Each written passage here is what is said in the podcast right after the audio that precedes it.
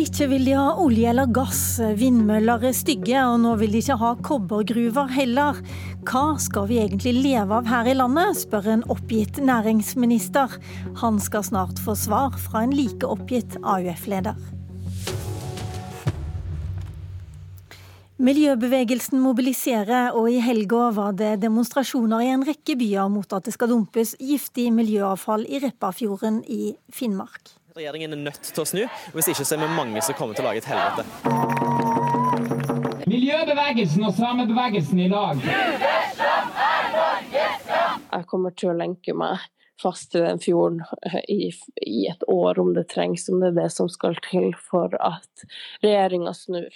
Ja, det siste løftet det kom fra artisten Ella Maria Hetta Isaksen. Men eh, hva skal vi egentlig leve av her i landet, sukka Torbjørn Røe Isaksen på Facebook i helga. Ikke industri, for det er jo så skittent og gammeldags. Ikke olje og gass pga. klima. Ikke fornybar kraft fordi vindmøller er stygge. Og ikke vannkraft for elven blir skada, og altså ikke gruvedrift heller.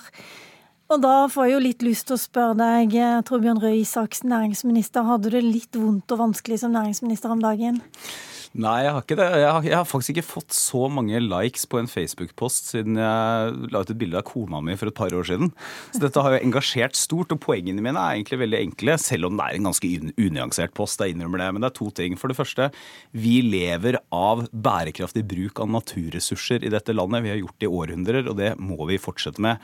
Og punkt to, Veldig mye av dette er også viktig i det grønne skiftet, som f.eks. norsk gass, som kan erstatte og erstatter mer forurensende eh, klima- eh, eller energikilder i Europa. Eller det at kobber er et av de metallene vi trenger i det grønne skiftet, f.eks. til vindmøller, elbiler, ikke minst ledningene som vi skal elektrifisere med. Det gir noen dilemmaer, eh, men det betyr ikke at det er så svart-hvitt at det ene er skittent, det andre er miljø. AUF-leder eh, Ina Libak, er dere så opptatt av å protestere mot alt som er vondt og vanskelig, at dere glemmer at vi skal ha noe å leve av også? Nei, ikke i det hele tatt. Og jeg tenker jo mer at eh, Det er ganske unyansert den måten Torbjørn Røe Isaksen skrev det på. Jeg tenker at Nå har vi elleve år på oss til å kutte halvparten av verdens utslipp. Det er en utrolig stor oppgave vi står overfor. Vi trenger å skape nye arbeidsplasser. Vi, trenger å få til en omstillingsprosess. Og Da tenker jeg at det er en bedre bruk av tida for næringsministeren i Norge å ta fatt på den oppgaven, heller enn å sitte, og, sitte og finne opp fiktive personer på Facebook som man kan krangle med. For jeg vil jo si at Det er jo ingen som mener dette som Torbjørn Røe Isaksen skriver om på Facebook. Det er jo ingen ingen som mener at vi skal leve av drømmer, reality-TV og luft. Alle mener jo at vi skal leve av noe, men det har næringsministeren også ansvar for å eh, finne den veien inn i fornybarsamfunnet. Så da tenker jeg at uh, Torbjørn Røe Isaksen, hvis han vil ha likes på Facebook, så anbefaler han å legge ut flere bilder av kona si, for dette er ikke en sånn god debatt som vi eh, Vi får ikke en god debatt hvis vi argumenterer mot hverandre på denne måten. Røe Isaksen, det er jo mange i miljøbevegelsen i tillegg til AUF som sier at eh, det virker litt surt og vanskelig. Altså, det, det, går jo an å være for uh, ja. kobbergruver f.eks. uten at man må slenge alt uh, miljøgiftig avfall på bunnen av uh, fjorden. Ja, nå slenger vi ikke noe avgift, av, avfall noe steder, og det er grundig behandlet av Miljødirektoratet. Det er ingen i utgangspunktet miljømessige fordeler ved å ha et landdeponi kontra et sjødeponi. Men regjeringen har jo funnet ut at dette skal ja. ikke skje videre. Dette Nei. har dere jo vedtatt. Ja, det har vi vedtatt fordi Venstre har fått et stort og viktig gjennomslag. Men da går det jo åpenbart an, så da kunne det kanskje gått an ja, å gjort noe men, annet i Finnmark også. Men spørsmålet, spørsmålet, i Finnmark er jo når miljømyndighetene for det første har satt strenge miljøkrav. Når eh, miljømyndighetene vurderer at det i utgangspunktet ikke er en forskjell på landdeponi og sjødeponi som sådan. Altså det kan være det i enkelttilfeller, men det er ikke sånn at det ene automatisk er mer miljøvennlig enn det andre. Og et landdeponi vil åpenbart gå veldig sterkt utover reindriftsinteressene. Så ble det sjødeponi her. Men det viktige poenget som jeg forsøker å løfte, det er jo ikke at, at eh, et gruveprosjekt er et lokalt miljøprosjekt. Det er jo ingen som benekter at dette vil ha store konsekvenser for lokalt miljø, men så rammer vi det inn miljømessig på best mulig måte. Det jeg også sier, det er at kobber som vi skal utvinne utvinne da Nå ser vi bort fra arbeidsplassene. Det er et av de metallene som verden skriker etter. Vi trenger det bl.a. fordi vi skal elektrifisere samfunnet vårt. Så dette er altså en klimanæring, selv om det har lokale miljøkonsekvenser. Og Det er jo en av de tingene vi skal leve av, på samme måte som eh, norsk gass, som erstatter mer forurensende energikilder i Europa, er en av de tingene vi skal leve av. Og Jeg har lyst til å ha den diskusjonen, eh, og da er jeg jo spent på hva f.eks. AUF har tenkt når de vil avvikle oljeindustrien innen er det 2035, hvordan skal de da klare å utvikle den nye miljøteknologien vi trenger? Hvordan skal de unngå så store sosiale problemer og økonomiske problemer at vi ikke har en sjanse til å klare det grønne skiftet? Ja, Ina Libak, ved siden av å glemme å si at Arbeiderpartiet har gått helhjerta inn for uh, samme deponi i, i, Finnmark, så glemte dere kanskje også å ta hensyn til at uh, denne kobberdriften bl.a. skal bidra til flere elbiler her i landet? Nei, det glemte vi ikke i det hele tatt. Eh, og jeg tenker at Her står det ikke mellom landdeponi og sjødeponi i det hele tatt. Her har Norge en mulighet til å faktisk gå foran og ikke være en av fem land i verden som fortsatt driver med sjødeponi. Vi kunne valgt å tilbakefylle avfallet i gruvene. Vi kunne valgt å finne andre måter å bruke det avfallet på. Det er jo det som er suksessen vår, og det er det jeg syns det er synd at Torbjørn Røe Isaksen glemmer. Det er at alltid når Norge har vært verdensledende på næring før, så er det jo fordi vi har klart å ivareta naturressursene våre på en bærekraftig måte. Og En annen ting som jeg mener at eh, næringsministeren glemmer, det er at det er ikke sånn at valget står mellom miljø og næring. Ofte står det mellom næring og næring. Og Det er jo det som er situasjonen eh, både her, hvor det står mellom reindrift f.eks., som mange er bekymra for, som er en reell innvending, eller om man skal eh, dumpe giftig gruveavfall. Det samme er det i Lofoten. Der står valget mellom man skal utvinne olje eller om man skal satse på fiskeriressurser og turisme. Så det er disse nyansene jeg har lyst til å få frem. Og jeg mener at hvis vi nå begynner å ikke ta vare på naturressursene våre og tenke at eh, vi skal leve av eh, skitten næring i en tid hvor vi virkelig trenger at vi kutter utslipp. Vi har elleve år på oss på å halvere verdens utslipp. Da mener jeg at Norge eh, går baklengs inn i det. Vi lukker øynene og håper på det beste i en tid hvor vi virkelig trenger omstilling. Men vi trenger omstilling, eh, og norsk næringsliv er i gang også med det grønne skiftet. Altså, hvis du går og møter norsk industri f.eks., så er det, det er få som er altså De er fremst i rekken for å si vi er også en del av klimaproblemet, men så savner de at noen sier dere er også en del av klimaløsningen. Gjennom miljøteknologi, gjennom å kutte utslipp, gjennom å se hele verdikjeden for et industriprodukt, og ikke bare kutte røyken fra fabrikkpipa, som var den litt sånn gammeldagse måten å kutte utslipp på. Dette gjør vi og er vi i gang med. Det jeg savner fra den motsatte siden, det er at man også erkjenner at god grønn klimapolitikk og miljøpolitikk, det kan man ikke ha eh, for næringslivet hvis ikke det også er god næringspolitikk. Det må gå an å leve av dette. Ja, og da tenker jeg at eh, Det jeg savner, det er en næringsminister som viser oss veien gjennom det grønne skiftet. Og Det er ikke sånn at bare jeg som ønsker at vi skal redusere norsk olje og gass, fordi jeg mener at vi er nødt til å gjøre det. Vi vet at lønnsomheten kommer til å gå ned. og Da kan vi lukke øynene og håpe på det beste, eller vi kan begynne omstillingen og ta ansvar for de som jobber der i dag. Ok, Men, Jeg er nødt til å stoppe deg der. Eh, takk til deg, Ina Libak. Du burde faktisk vært med over eh, for å kommentere neste sak, men jeg hører du er på vei til en oljeplattform, faktisk. God tur der. Tusen takk. Takk til deg også, Torbjørn Røe Isaksen. Abonner på Politisk kvarter som podkast, og få sendingen rett til din mobil. I Trondheim så har en 21 år gammel AUF-er mista plassen på nominasjonslista til bystyret. Grunnen er at han skal ha kalt en jente for en bitch, eller eh, kanskje har han ikke det heller. Det viser seg at eh, det kanskje var en han var i nærheten av som kalte henne en bitch, eller kanskje var det bitchete som ble sagt. Uansett, derfra gikk et varsel til AUF i Oslo. AUF-eren sa unnskyld til generalsekretæren i AUF, men likevel så ble han altså strøket fra nominasjonslista til Trondheim Arbeiderparti.